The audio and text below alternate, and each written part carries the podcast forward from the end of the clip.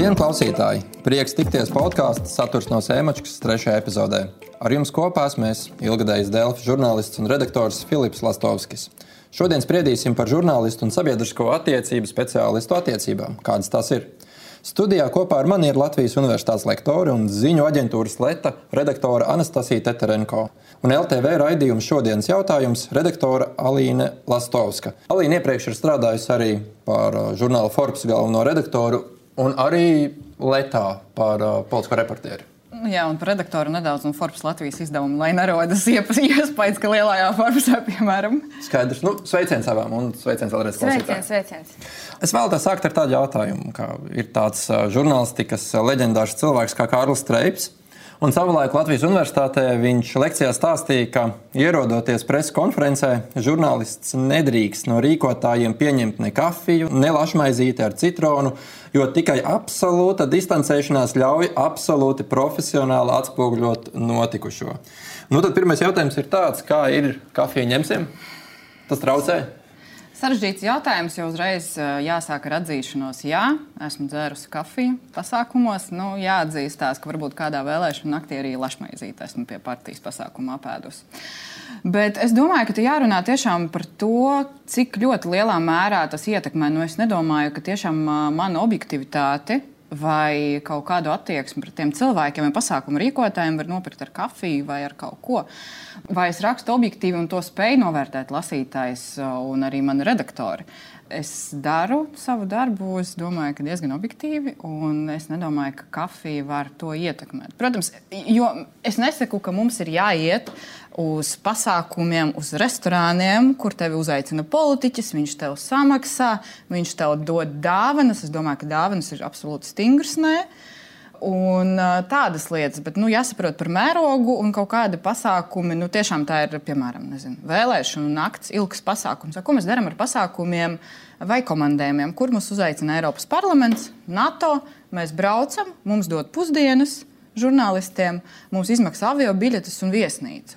Vai tā tad arī ir uzpirkšana, un ko mums darīt šādos gadījumos? Es domāju, ka nu, dažkārt tādos gadījumos, kad mēs braucam par kaut kādas iestādes naudu, mums tas būtu labi atrunāt, piemēram, rakstā un tādas lietas. Labi.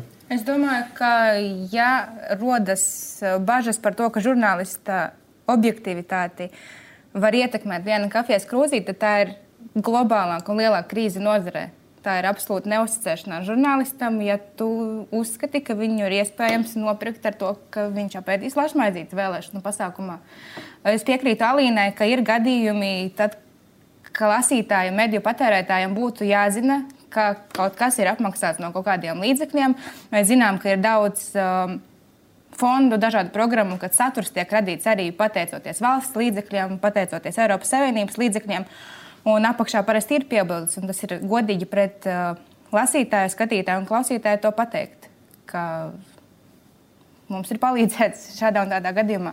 Bet atcaucoties tavu piebildi par strēpu teikto un kafijas krūzīti, um, man ir nācies arī to dzirdēt savā lekcijās. Un, uh, kad es tikko, tikko sāku strādāt nozarē, man aizsūtīja uz preses konferenci uz Pareizticīgo baznīcas zelta kupola atklāšanu. Tas bija Uh, bagātīgi, tas bija bagātīgākais galds, kādu es jebkad esmu redzējis preses konferencēs. Tur bija dažādi vīni, dažādas gaļas un viss kaut kas. Tā bija viena no manām pirmajām preses konferencēm, uz kuras ierados tieši ar šo pārliecību, ka neko nedrīkst ņemt. Un tad viss ēda, un es skatījos, kā Jā, es, izklausās, ka mēs visi studējām vienā augstskolā, jo es arī lekcijās to esmu dzirdējusi. Un gadus, es domāju, piecus, es tiešām nekad neko neesmu ņēmusi, izņemot ūdeni. Jo pasākumos arī. Un tad ļoti, ļoti pieredzējis kolēģis ir mainījis manu viedokli par šo, bet es vārdu nesaukšu. Es nezinu, vai var. Jā, jo tas ir nu, cilvēks, kurš strādā ļoti ilgi. Viedokļi var būt dažādi, man liekas, bet nu, man liekas, ka tas nav tas, par ko būtu visvairāk jāstrīdās. Nu, jā, es varu tikai piekrist no savas pieredzes, ka es arī šo kafiju dzeru. Un, lai gan bieži aizvien, kad gāju uz preskonferencēm, tad priekšā galvā rēgojās kāļa streipa seja. Taču, nu labi, teiksim, pienāk Ziemassvētki un daudz uzņēmumu un institūcijas sūta apsveikumus, tostarp dāvanas. Un, teiksim, nu, ko dāvanas? Nu, sveces, vīna pudeles vai kaut kādus tur rāmīšus un paliknīšus, dažādas reprezentatīvās lietas. Ko mēs ar viņām darām? Metam ārā? Eiropā ir vairāk piemēru, kur redakcijas šos reprezentatīvos materiālus atdod labdarībai, kas ir viens no risinājumiem. Nu, lielākoties manā novērojumā viņas vienkārši paliek kaut kur mētājoties, nu, rada nekārtību. jo man vienkārši ar, tiem, ar tām dāvanām un, uh, ir ļoti īsa pieredze. Es, saku, es strādāju biznesa žurnālistikā gadu, Pārējais viss mans laiks pagāja rakstot par politiku vai strādājot ar politiku. No politiķi, par laimi, viņi aprobežojās ar eh, to, ka viņi atsūta kartītes svētkos. Un, man liekas, tas nav nosodāms nekādā veidā. Ar dāvanām, nu, man arī jāsa, man liekas, jāsaprot tā dāvanas vērtība. Ja tas ir kaut kas ļoti vērtīgs, tad noteikti sūtam atpakaļ. Ja tā ir kladīta, varam atstāt birojā, es domāju. Nu, Jā, nu, bieži arī svētku laikā, ja žurnālisti ir ekonomikas nozarē, raksta par uzņēmumiem, tad ir uh, gadā periodi, kad ir Ziemassvētki un Līgo, kad to dāvanu ir ievērojami vairāk, kas nāk. Bet uh, piekritīšu Alīnai, ka ja uh, tās dāvanas ir ļoti dārgas, tad nu, tas ir jautājums par to, vai tiešām tās būtu jāpatur, jāizdzer un jāpēd un kaut kā citādākā veidā tās jālieto. Bet nu, tiešām jautājums par vērtību. Un... Eh, Valsts pārvaldē es saprotu, ka Dēlna un Knaba, vai vismaz viena no šīm iestādēm, stāsta institūcijām, ko drīkst un ko nedrīkst pieņemt. Un tur ir tāds vadlīnijas, teiksim, ja tu saņem puķes, tad ir jautājums, vai puķis ir puķpodā. Un, ja viņš ir puķpodā vai puķpodam, ir apzeltījums kaut kāds vai kaut kāda rotājuma. Un tad ir tāds nu, ļoti specifiski, tehniski konkrēts saraksts, tad, kurā brīdī tās puķis ir ok un kad nav. Varbūt mums arī vajag. Lielisks manuāls, pēc kā vadīties atšķirs, sameklē savu dāvanu. Bet, eh, protams, ka mums, man liekas, ka vispār visi šie jautājumi par eh, kaut kādu objektivitāti vai uzpirkšanu vai vēl kaut ko, eh, to ļoti liels, ka to var definēt tādā plašā grāmatā, bet nu, man liekas, ka mums, žurnālistiem, ir tas veselais arī saprāts, kas palīdz rīkoties šādos gadījumos. Ja tu saproti, ka tev bija ļoti trikīga situācija ar kaut kādu iestādi, piemēram, vai viņi ir mēģinājuši izdarīt spiedienu, nu nepieņem neko. Drošības labad. Jā. Piekritīšu, es nu, no kulinārijas mēs varam iet tālāk uz kaut kādu attiecību nopietnāku jautājumu. Nu, kā jūs šobrīd raksturotu attiecības starp žurnālistiem un sabiedrisko attiecību speciālistiem? Mums ir atkal atgriežoties kaut kādās vecākās studiju grāmatās par žurnālistiku. Tur ļoti strikti tiek novilkta līnija, ka ir nu, vienā pusē žurnālisti, tad ir sabiedrisko attiecību speciālisti. Un, nu, mēs zinām, ka žurnālisti bieži otru pusi dēvē par dārgu. Un, nu, ļoti stingri tā nodalījums, kā ir šobrīd. Es teiktu, ka ja vispār paskatās uz mēdīju vidi un viņā ietverot sabiedrisko attiecību nozari, tad mēs redzam, cik daudz ir notikusi saplūšana un vispār mērķis starp abām nozarēm, kad cilvēki no žurnālistikas aiziet uz sabiedriskajām attiecībām un aiziet uz to dārgu saitu, kā saka. Uh, līdz ar to. Protams, profesionālā ziņā tie ir atšķirīgi uzdevumi, ko veids katra no pusēm, bet uh, notiekot šai daļu saplūšanai, abas puses saprot vienam otru, manuprāt, daudz labāk abas puses izprot otras puses vajadzības. Līdz ar tā, tā komunikācija, manuprāt, kļūst veiksmīgāka. Un spēja palīdzēt vienam viens, viens otram labāk. Piedod, ka es tev pārtraucu, bet man liekas, ka tas ir ļoti interesanti. Dažkārt cilvēks, tu viņu pazīsti, viņš ir strādājis par žurnālistu, viņš kļuvis par uh, sabiedrisko attiecību speciālistu, un tev liekas, ka viņam ir iestājies atmiņas zudums. Liekas, ka viņš pilnīgi neatcerās par to, kas strādā mēdī, ko, ko mums vajag. Man ir tādi arī piemēri, kas liekas ļoti interesanti. Bet tādu par laimi ir mazākums. Uh, un man negribās nu, runāt arī par gaišajām un tumšajām pusēm. Man tomēr es cenšos vērst visas tādas attiecības konstruktīvā sadarbībā. Jo es domāju, ka viņi arī ir ieinteresēti sniegt objektīvu informāciju biežāk nekā kaut ko kaut ko parādīt citā gaismā, pilnīgi noteikti. Un man vispār bija priekšstats, ka pēdējos gados situācija ir tik ļoti mainījusies uz labo pusi, un tās, um, tās attiecības ir tik konstruktīvas kļuvušas. Es esmu gandrīz kā no politiķiem pārņem vērnīca, ja konstruktīva. Bet uh, tad es sapratu, ka es vienkārši ļoti ilgi strādāju ar politiķiem, un tur komunikācija notiek pārsvarā nepastarpināti. Tomēr. Tur runā ar pašu politiķu, daudz mazāk tur runā ar sabiedrisko attiecību speciālistiem. Un tad es nonācu strādāt Forbes. Un man bija ļoti liels kultūras šoks, jo cilvēki reāli uzskata, ka viņi var painteresēties, piemēram, cik maksātu, ja mēs kādu nointervētu, un ja tas cilvēks tiktu uz vāka. Un es biju ļoti, ļoti pārsteigta, jo tas nebija viens gadījums. Un tas man ir aizsīja lielu šoku. Tad, es domāju, ka nav viss tik rožaini. Tas arī atkarīgs no tās nozares nu, un specifikas, par ko tu raksti. Vai tu, tu raksti par biznesu, vai tu raksti par kādām sociālām lietām, labdarības organizācijām nosacīti un ko tu dari. Un es domāju, ka tas dažkārt spiediens ir. Bet es negribētu teikt, ka PR speciālisti, piemēram, vai sabiedrisko attiecību speciālisti, ir kaut kādi ļaunāki cilvēki. Ir arī žurnālisti, kas nedara savu darbu kvalitatīvi. Pilnīgi mm. noteikti. Un tas arī rada tos riskus. Man liekas, ka tas arī rada tos riskus. Ja kāds kaut kad ir pieņēmis par kaut ko naudu, tad tev var rasties iespējas, ka tā dara bieži. Un tad tu vari iet piedāvāt vēl kaut kam. Un tad ir lielāka iespēja, ka šāds, diemžēl, negadījums notiks vēl kādu reizi. Manuprāt, tas ir absolūti nepieņemami.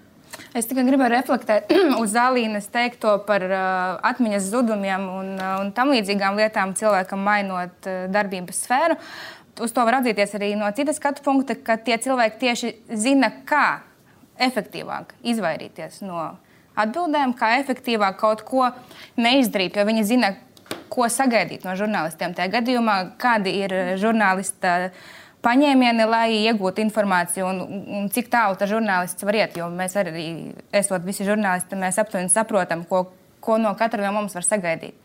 Un, līdz ar to žurnālistam aizjūt sabiedrisko attiecību pusē viņiem ir papildu trumpji attiecībā pret kolēģiem medijos, manuprāt. Ok, 2013. gadā tolaik žurnālistikas pasniedzēja, bet šobrīd uh, žurnāliste Vita Dreijere rakstīja tā. Ja žurnālistu pāriešana uz PR neapstāsies, tad LŽA, Latvijas Žurnālistu asociācija, drīz būs jāpārsauc par Latvijas topošo sabiedrisko attiecību speciālistu asociāciju. Uh, kā zināms, uh, LGA aizvien eksistē kā žurnālistu asociācija, paldies Dievam, nevis kā sabiedrisko attiecību jauno kaut kāda asociācija, bet um, cik nopietni ir tā staigāšana šobrīd? Jo tas mīts un stereotips, kas, nu, vai arī realitāte, es nezinu, ir tas, ka uh, nu, žurnālistiem maksā maz PR, nopelna vairāk, tāpēc es tagad iešu. Un tādējādi mēs pazaudējam daudz žurnālistus. Vai, nu, tā šobrīd ir īsta problēma Latvijas mēdīju vidē. Es varu nedaudz atskatīties uz augstskolas praksi un uz augstskolas pieredzi. Tad, kad es iestājos augstskolā, tas bija pirms aptuveni desmit gadiem, mums bija ievads seminārs, un mums kā pamudinājumu vai tieši pretēji biedu izvēlēties vienu vai otru pro programmu, rādīja sludinājumu portālu ar vakancēm. Un teica, skatieties, cik daudz ir sabiedrisko attiecību vakanču, un skatieties, cik nav vakanču žurnālistikā, un izdariet secinājumus, izvēloties uh, savas turpmākās profesionālās nākotnes gaitas. Un tagad uh, es Latvijas Universitātē lasu lekcijas topošajiem žurnālistiem, un es redzu proporciju arī viņu starpā, ka žurnālistikā man ir 11 studenti. Bet kolēģiem uh, korporatīvajā komunikācijā, mārketingā, sabiedriskajās attiecībās ir uh, ap 70 studentiem. Līdz ar to nu, gala produktā, gala iznākums, kad viņi dabūs savu diplomu, uh, arī jauno žurnālistu ir daudz mazāk. Līdz ar to, ja arī no tiem, kas kļūst par žurnālistiem, profesionāliem ar diplomu, viņi jau ir tik maz, un ja no viņiem vēl kāds aiziet uz uh, sabiedriskajām attiecībām, tad nu, nākotne ir arī tāda. Bet es nepiekrītu tam, ka žurnālists nevar mainīt profesiju. Tu pati mēs pa ceļam braucam, tu stāstīji par to, kā tu rādi bijušos žurnālistus, kas kļuvuši par politiķiem. Nu, ne jau tikai uz PR aiziet žurnālisti.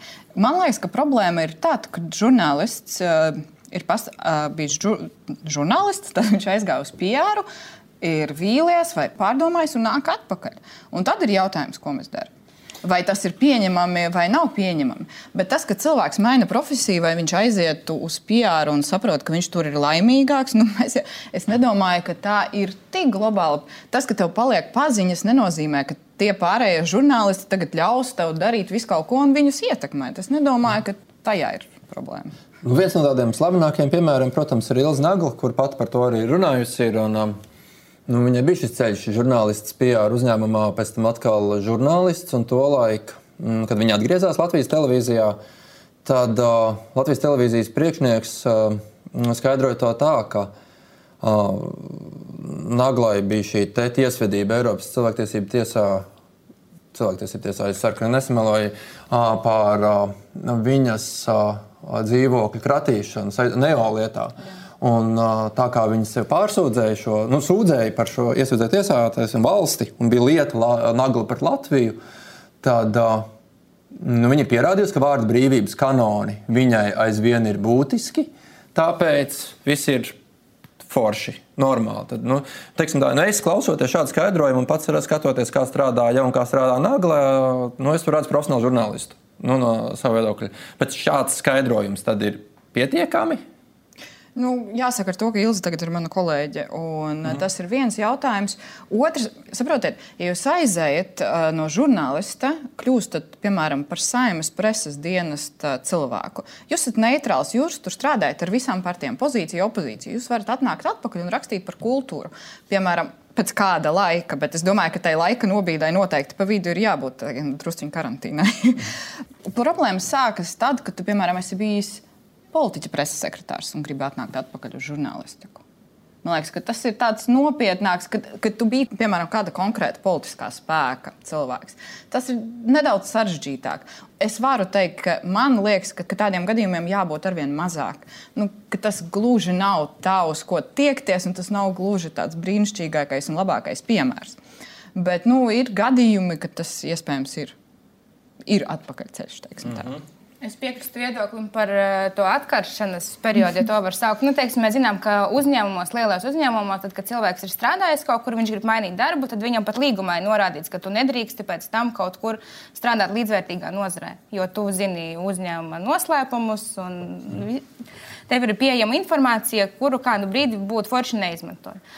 Nu, es domāju, ka arī kontekstā ar pārēju no žurnālistu uz sabiedriskām attiecībām un atpakaļ, iespējams, arī varētu darboties kaut kāds līdzīgs princips, jo mēs zinām, ka žurnālistika ir ļoti uh, raids, ātrs process, kur ir svarīgi kontakti, un, uh, un, un arī otrādi uh, sabiedriskās attiecībās ir tas pats. Un, ja tu nedarbojies kādu laiku tajā nozarē, vienā no nozarēm, tad tu zaudē tomēr kaut ko.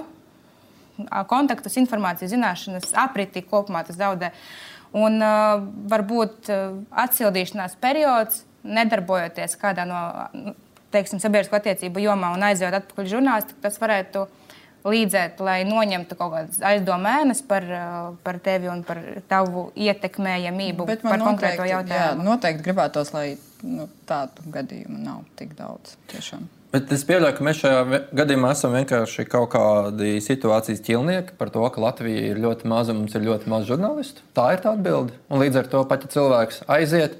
Teiksim, nu, ir populārs piemērs, ko bieži piesauc ir Vācija. Īpaši par sabiedrisko mēdīju runājot, turpat ir jautājums, vai pieņems no komercmediju.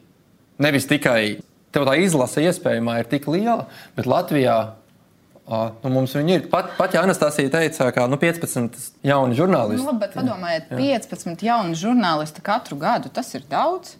Mi, mums nav miljonus mēdīju, nav miljonus uh, žurnālistu vakanču. Ir jautājums arī par kvalitāti. Un es domāju, ka problēma ir arī nedaudz slinkums. Es atvainojos. Tev ir daudz vieglāk strādāt ar cilvēku, kuru tu zini, kā viņš strādā, tu zini, ka viņš prot strādāt. Tu zini, ka viņš ir saprātīgs, tev nav jāmāca no jauna, nu, un tu viņu pazīsti. Tāpēc tu mēdz viņu paņemt atpakaļ. Bet arī okay, tas ir viens, ka tu negribi apmācīt jaunus cilvēkus, bet otrs arī tas varbūt cilvēks ir brīnišķīgs, tiešām bija žurnālists. Un jautājums, uz cik ilgu laiku viņš bija prom, kāpēc viņš nāk atpakaļ? Varbūt viņš ir vīlies un saka, nē, gribu cīnīties par taisnību, esmu redzējis kaut ko. Varbūt arī ne tādi gadījumi. Es nesaku, ka tu aizej uz PR un uzreiz tur viss ir slikti. Ne, un līdz ar to nu, tas ir jautājums par par to, ka tu pazīsti to cilvēku. Es domāju, ka tas ir viens no argumentiem, kāpēc tādus cilvēkus ņem atpakaļ. Nevis jauno trūkums. Uh mhm. -huh. Jo, piemēram, Anstīna noteikti var pastāstīt par to, jo Leta ir tā vieta, kur ļoti daudz pieņem jaunos. Un es arī atnācu no universitātes un sāku tur strādāt. Uh, Un, uh, tur ir tā kadru mainība diezgan nosacīta liela, jo Leta ir tas labs, ļoti brīnišķīgs starta punkts, manuprāt, lai sāktu strādāt vispār profesijā. Līdz ar to tu redzi, kā ir katru reizi apmācīt jaunu cilvēku aizvien atkal, mm, atkal. Protams, resurs uh, saudzīgāk ir paņemt cilvēku, kuram ir, uh, jau ir pieredze. Un plus, ja ir cilvēki, kas strādājas kaut kādā sabiedrisko attiecību sektorā, kaut kādā iestādē vai institūcijā vai uzņēmumā, viņš jau ir ieguvis papildu pieredzi, kas viņu kaut kādā mērā padara vērtīgāku. Tomēr. Nu, protams, tas nebūtu pareizi piekdienu nolikt atlūgumu, eh, teiksim, eh, partijā un pirmdien sākt rakstīt ziņas par to, cik partija ir laba vai slikta, tas nebūtu pareizi. Es atgriežos pie domas par atkaršanas, atkaršanas posmu. Bet pārējie abos divos virzienos tie ir cilvēki ar papildu pievienoto vērtību jebkurā gadījumā. Atgriežoties pie tās saplūšanas, Google, mātei Google atradu šādu sludinājumu aizsardzības ministrijas izsludināts sludinājumu, kur tiek meklēts sabiedrisko attiecību speciālists, domzīmē, žurnālists. Uz jautājumu tīri, nu, jāsaka, piezīme uz jautājumiem, kurus es aizsūtīju aizsardzības ministrijai par šo sludinājumu, ko viņi ar to tieši domāja. Ieraksts brīdī atbildes vēl nav. Šo, ja saņemšu komentāru, noteikti pievienošu rakstam pie šī podkāsta.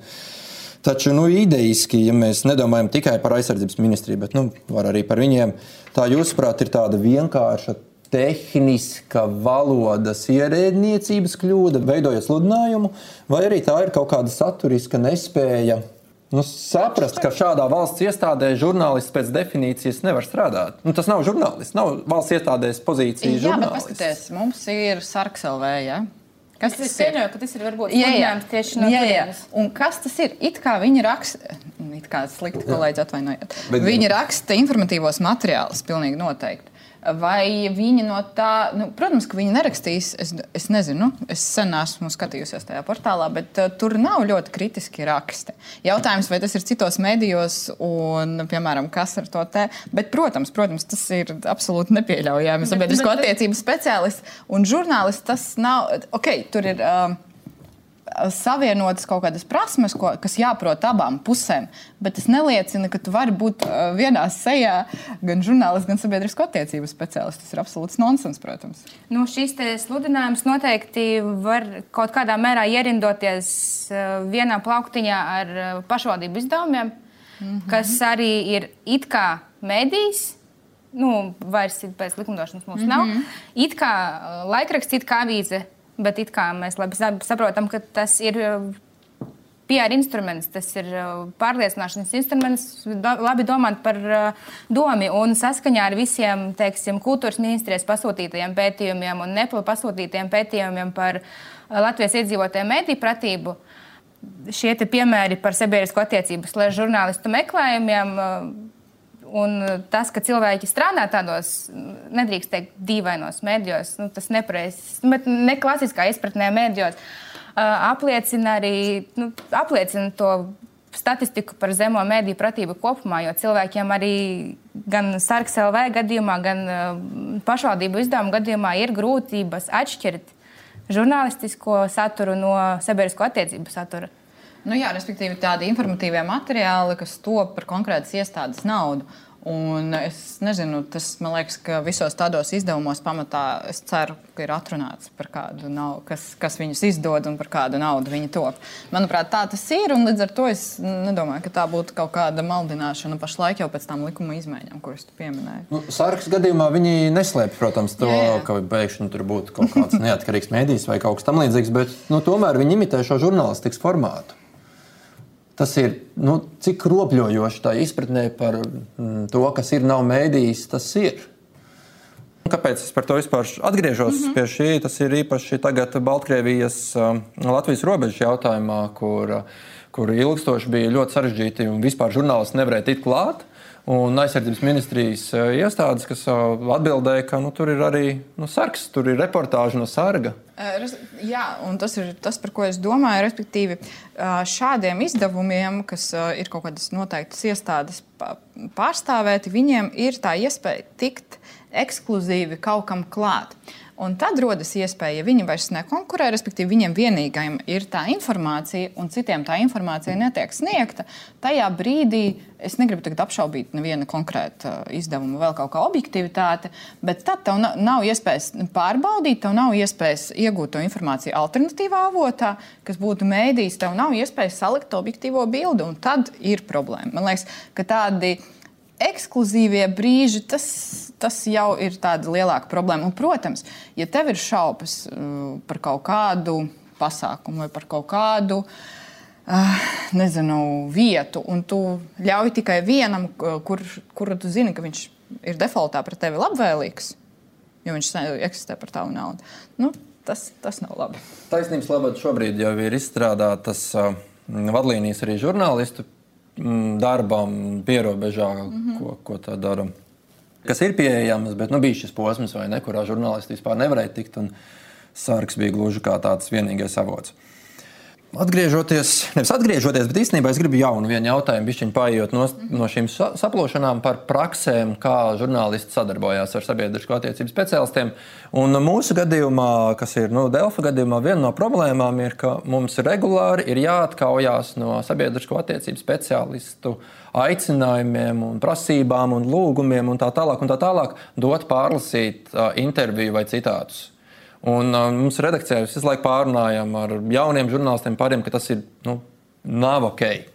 Taču ir kaut kādas epizodes vai situācijas, uh, kurās uh, nu, tas pēc mēdīņa prakses ir pieņemami.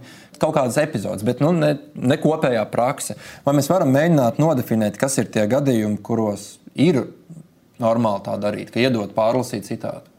vai interviju? Es domāju, ka ir normāli iedot pārlasīt kaut ko, kas satur konkrētus faktoloģiskas lietas. Teiksim. Mēs, ja runā par naudu, ja runā par cipariem, jo cilvēkam galva var strādāt nepārāk precīzi un mute vēl vairāk neprecīzi runāt. Līdz ar to tas ir svarīgi. Gan pašam žurnālistam pārliecināties, ka viņš ir visu korekti uzrakstījis, lai nav iespējams viņu apvainot neprecīzas informācijas izplatīšanā, gan arī, nu, man liekas, ka. Nu, ja turklāt tas ir ielikt citātā, ka tas cilvēks to paskatos nepareizos ciprus, nu būtu viņam jādod iespēju tos ciprus pateikt pareizi, jo tas cipari nav viedoklis. Jā, bet tas ir arī interesants jautājums, piemēram, ko mēs darītu gadījumā, ja mēs nointervētu finanšu ministru. Viņš mums pateiktu budžeta ieņēmumu summu, Un mēs saprastu, pat mēs, nevis pat, bet mēs saprastu, ka tas cipars nav precīzs. Un tas ir jautājums arī par kompetenci. Kuram, kurš var labot tās faktu kļūdas, kurā brīdī tu vari to darīt vai nē? Nu, man liekas, ka ja tas ir finanšu ministrs un viņš saka, piemēram, ka PVN likme mums ir 48%, nu, tādu faktu kļūdu gluži pēc tam nevajadzētu labot, jo tas parāda arī kaut kādu kompetenci. Bet uh, kopumā, protams, par, par faktoloģiskām lietām. Man liekas, ka tas ir pilnīgi pilnīgi ok, ja viņi grib pārliecināties par to, vai tur ir pareizi cipari vai vēl kaut kas. Un vēl viens ir jautājums, vai mēs runājām no nu cilvēkiem, kuri nav publiski, parasti nav PR speciālisti. Uh, Bet ir pieredzējis politiķis, piemēram, kurš runā katru dienu sniedz desmit intervijas, un ir cilvēks, kurš tikko ir atnācis strādāt. Un tiešām iespējams ir satraucies, iespējams uh, kaut ko nav precīzi izteicies, un vēl kaut kas. Nu, tā, tā pieeja var, nu, tiešām ir atkarīga no gadījuma uz gadījumu. Ja mēs runājam par kaut kādu cilvēku, kurš tiešām nav publisks, kur, uh, kurš tiešām bija ļoti satraucies, mēs varam iedot paskatīties to kaut kādu faktu daļu. Un jautājums atkal, ko mēs darām tad, kad mums saka, ka tie fakti nav pareizi? Tas atkal, atkal jautājums ir ne tikai par to, ka mums prasa dot intervijas, bet ko mēs darām tad, kad mēs esam kaut ko parādījuši un mums saka, reku šeit, šeit, šeit. šeit. Jālabo. Nu, mēs parasti sakām, es esmu savā pieredzē, kad man bija tāda lūguma, es teicu, ka tiešām tikai faktu kļūdas, tikai kaut kāda cipari vai kaut ko, citu nemainu un vispār paturu pie sevis tiesības nemainīt neko. Bet man, es vienmēr esmu mēģinājusi izprast arī to domu, ja PR cilvēks, viņi bieži vien arī piedalās intervijās. Nu, nevis piedalās, bet sēž blakus. Tu sēdi blakus, klausies, ko tas cilvēks saka.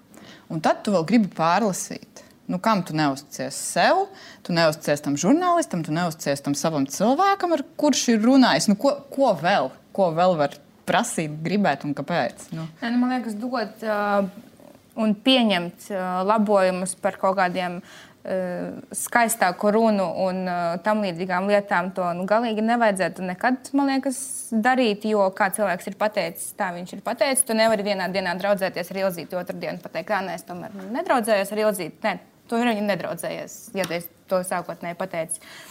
Un tādu gadījumu ir bijis daudz, kad tu aizsūtīji interviju nu, kaut kādiem mērķiem aizsūti un pārbaudīt faktoloģiskos datus, un tev atsūta divreiz garāku interviju, tāpēc, ka tur ir labojumi.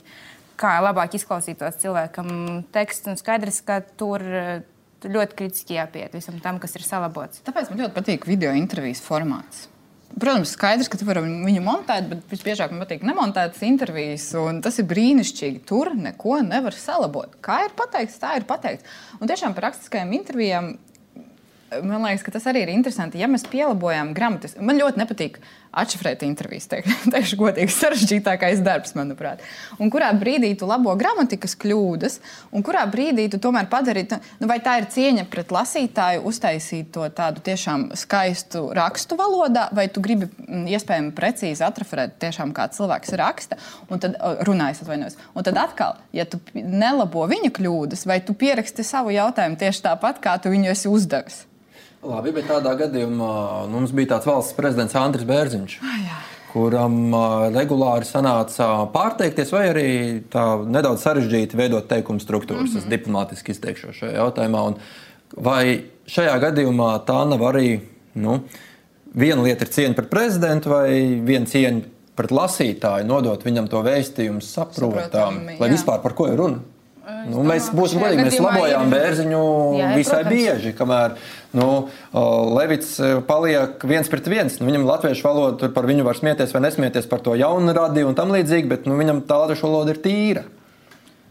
Jā, nu, es esmu to interviju liels fans, kurš ir vairāk eh, kā transkripts, nevis tāds smags literārs veidojums. Man liekas, tas ļoti daudz arī, nevis ļoti daudz pasaka arī par cilvēku, es, bet tas ir kaut kāda veida viņa attēlojums vai tas, kā viņš runā. Nu, tu nevari visu salabot skaisti. Tad tā var būt rakstiskā intervija, kuru uzrakstīs tev visticamāk pieru speciālists. Man liekas, ka šajā gadījumā ir būtiski saprast, kas lasīs to interviju kas ir mērķa auditorija. Teic, ka, piemēram, viens ir teiksim, interviju nopublicēt Rīgas laikā. Kuram mm -hmm. ir pilnīgi atšķirīgs formāts, atšķirīgs lasītājs, vai arī nopublicēt to vidējam lasītājam, kuram, kuram iespējams svarīgāks būs vēstījums, nevis uh, valodas īpatnības, kuras ir cilvēkam, kurš tiek intervētas tajā brīdī. Man liekas, tas ir būtiski saprast, kas to interviju lasīs un kāds ir intervijas mērķis. Mhm. Mums pašiem tā praksa ir, nu, kā es arī daru, nekad nedot pilnu tekstu, bet pat ja ir šāda situācija par faktoloģiju, tad tikai to citātu noraksta. Man ir pieredze bijis gadījums, kad es kļūdos un aizsūtu arī tikai faktoloģijai.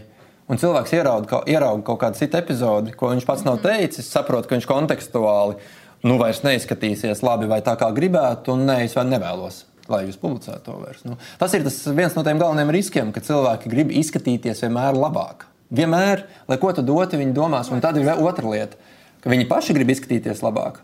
Un tad es iedošu savam vīram, sievai, dēlam, mm -hmm. brālēnam, un visi kā viens vienmēr teiks, ka nu, bācis tur taču ir, nu, nu kam on tur tā, un šitais ir jāielabo. Un, Un tas viss ir briesmīgi sarežģīti. Nu, tāpēc droši vien ideālais gadījums ir to nedarīt. Tikai... Ideālais gadījums, jā. Eh, es saku, video formāts. Mm. Visi pierādījumi galdā, visi visu redz, neko nemontējam, kā ir audio, video, viss ir strādā. Bet, protams, ir arī mums drukātie formāti, par ko ir jādomā. Bet man liekas, manā pieredzē patiesībā tādu lūgumu ir arvien mazāk. Arvien mazāk. Uh, labi, tagad es strādāju televīzijā, bet arī uz, uh, kad es rakstīju, vēl tādu lūgumu nebija daudz. Man šķiet, ka šie lūgumu kvantitātes samazinājums ir saistīts kopumā ar to, ka informācijas izpaušanas vietas ir paudzes ar vien vairāk. Tās, uh, ja, ja politiķis parādās intervijā kaut kādā laikrakstā vai kaut kādā portālā, tas vairs nav kaut kas tik ļoti liels, jo viņam ir al daudz alternatīvu paust savu viedokli. Un, ja mēs redzam, kā daudzi politiķi to izmanto, ja ir raksts slikts vai intervija viņa prāt bijusi slikta par viņu mainstream mēdījā, tad uh, viņš to var pavērst sev par labu un izmantot to sociālo mēdīju kanālos kā labu instrumentu pašu, pašpjāram. Vēl viens piemērs, kas nesaistās ar politiķiem vai uzņēmējiem, ir nu, tīri cilvēka intervijas. Tādi emocionāli stāsti, kuriem cilvēkiem, kuriem vispār nav nekāda pienākuma runāt ar žurnālistu. Iespējams, nu, teiksim, ja māte traģiski zaudēja savu bērnu, nu, piemēram, uzkonstruēsim tādu piemēru, nu, viņai nav nekāda atbildība runāt, viņa tomēr viņai, dalās. Viņai pirmkārt nav nekādas atbildības runāt un pienākuma. Mhm. Otrakārt, mēs saprotam, ka cilvēkam ir emocionālajā pārdzīvojuma, kas arī pilnīgi noteikti jāņem vērā. Viņam nav nekādas pieredzes, visticamāk, komunikācijā ar mēdījiem. Un es domāju, ka pret tādiem cilvēkiem mums jābūt pirmkārt, vienmēr, man liekas, runājot ar cilvēkiem. Tev ir jāpaskaidro Nu, tas ir skaidrs, ka tas ir pašsaprotami, bet man liekas, ka tie, kas strādā ļoti daudzus gadus, dažkārt to aizmirst. Tev jāpaskaidro, kur tas būs, kad tas būs, kādā formātā tas būs, vai tur būs vēl kaut kāda runātāja. Respektīvi, jāiedod tā pilna aina, un tev tas pret cilvēku jābūt saudzīgam. Viņš ļoti daudz ko neizprot no tās specifikas. Un nu, nevajag taisīt savu klikšķus uz citu bēdām. Tev jābūt joprojām ļoti objektīvam, Un, ja, ja tur ir kaut kāds jautājums, kāpēc mēs to darām, kāds ir sabiedrības iegūms no tās informācijas, un jāsaprot, jāsamēro tie visi, visi jautājumi. Jā, man liekas, ka šādos gadījumos, jo īpaši, kad runa ir teiksim, par traģiskiem stāstiem un žurnālisti intervē traģiskos stāstos iesaistītus cilvēkus, tad tur ir īpaši jādomā par žurnālistu atbildību, par sekām un par pārējo klikšķi nevar prevalēt par to, kas tam cilvēkam vēlāk notiks. Mm. Ir, ir, ir piemēri Latvijas mēdīju vidē, kur nu, netik seni piemēri, kurus es gan negribu saukt konkrēti, kad eh, šādas te, uh, cilvēku dzīves drāmas tika izmantotas tīri. Nu, Kas bija temats? Cilvēku dzīves drāmas. okay. Mēģiniet, klausītāji, tad Google ierakstīt cilvēku dzīves drāmas, un varbūt tur atradīsies nu, labs stulbs joks. Un vispār nevajag droši vien jokot par traģēdijām.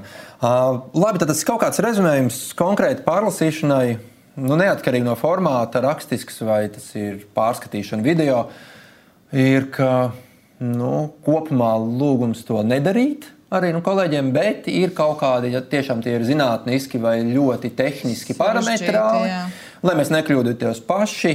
Jā. Bet šādos gadījumos mēs noteikti nedodam pilno materiālu, bet tikai fragment, ko mēs gribam, lai tā persona pārbauda.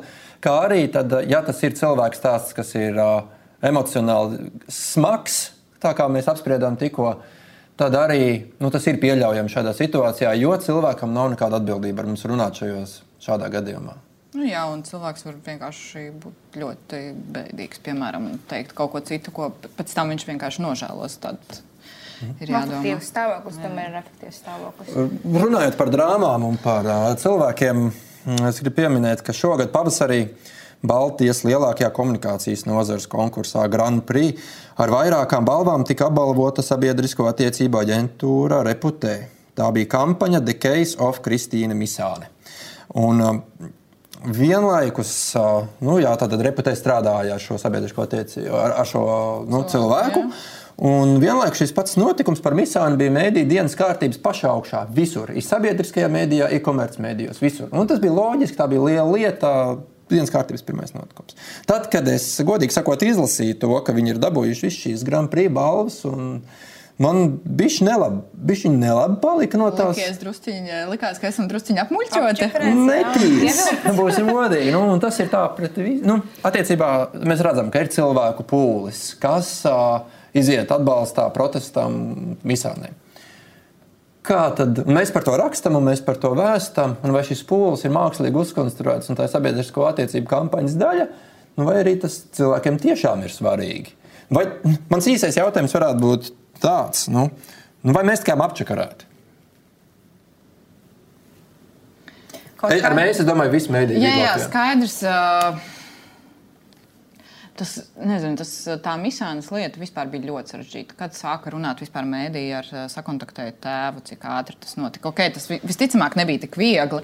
Un tur ir tik daudz jautājumu, es pati par to nerakstīju. Uh, man nebija toreiz saistības ar, ar aprakstīšanu, līdz ar to man kaut kā varbūt vieglāk runāt. Un, ja es būtu tur tajā brīdī, kad man jāraksta, būtu sarežģītāk. Bet tajā visā, vispār šādas situācijas, kad ir ģimene, kad ir bērns kaut kur pa vidu un tik daudz neskaidru, un tu nevari piekļūt tiem cilvēkiem, un tev ļoti grūti dabūt informāciju. Tad tur vēl iesaistīta aģentūra. Tur iesaistījās, taču pieslēdzās politiķi. politiķi un tas viss.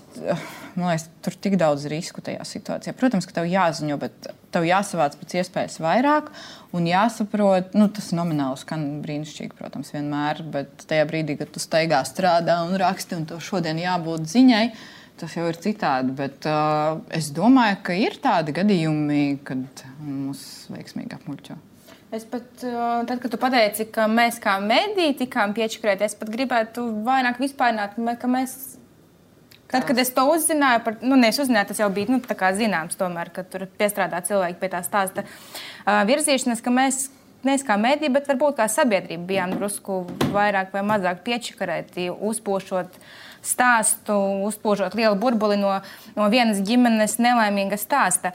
Uh, skaidrs, ka sabiedrisko attiecību kantoris uh, ir prasmīgs un spējīgs uztaisīt sievietes sāpes par viņas bērniem, prasmīgi, skaisti, lai visiem sāp, lai visiem gribas raudāt. Bet vai tiešām nu, šajā gadījumā, vai, vai tiešām tas, nu, vai mums lika noticēt, ka viņai bija? Tik slikti un ka viss ir. No, vienkārši jautājums pat ne pat uh, tik slikti, vai, respektīvi, vai, nu, vai mēs kā mēdīji. Jā, jā, jā, jā, piedod, nu, es vienkārši mēģinu iesaistīties un palīdzēt. Vai mēs kā mēdīji nostājāmies kaut kādā vienā no pusēm? Drīzāk tāds ir jautājums.